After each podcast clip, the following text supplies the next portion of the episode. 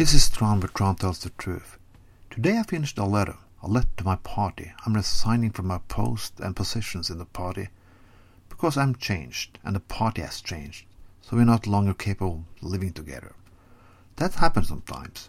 People change, and new politics comes up, and we devolve as human beings, as politicians.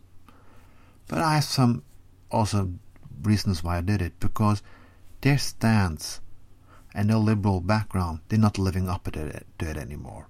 So it's not the Liberal Party that I feel in my heart it should be. Therefore, I'm going over to the Green Party.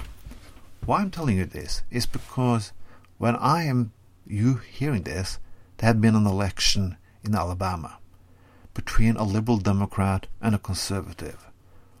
Well, if you are conservative, you stand for values, and I respect that. I respect that some people don't have the same liberal values I do. And when I hear word Christian conservatives, I know they have conservative values about family, abortion, gay marriage, and so on. But where are those values now? Because I have respect for people living up to their principles. But do really conservatives in the United States and anywhere else really have any principles anymore?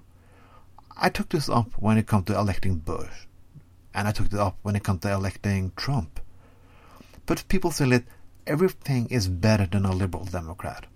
Everything? Really? A man who has sex with children, is that better than a liberal Democrat? If the, if, well, the last weeks, a senator has resigned.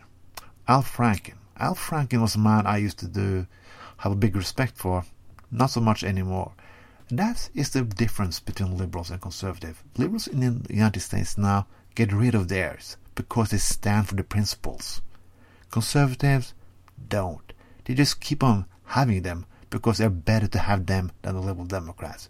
If you're a cruel, cruel Christian conservative, is that the way it should be?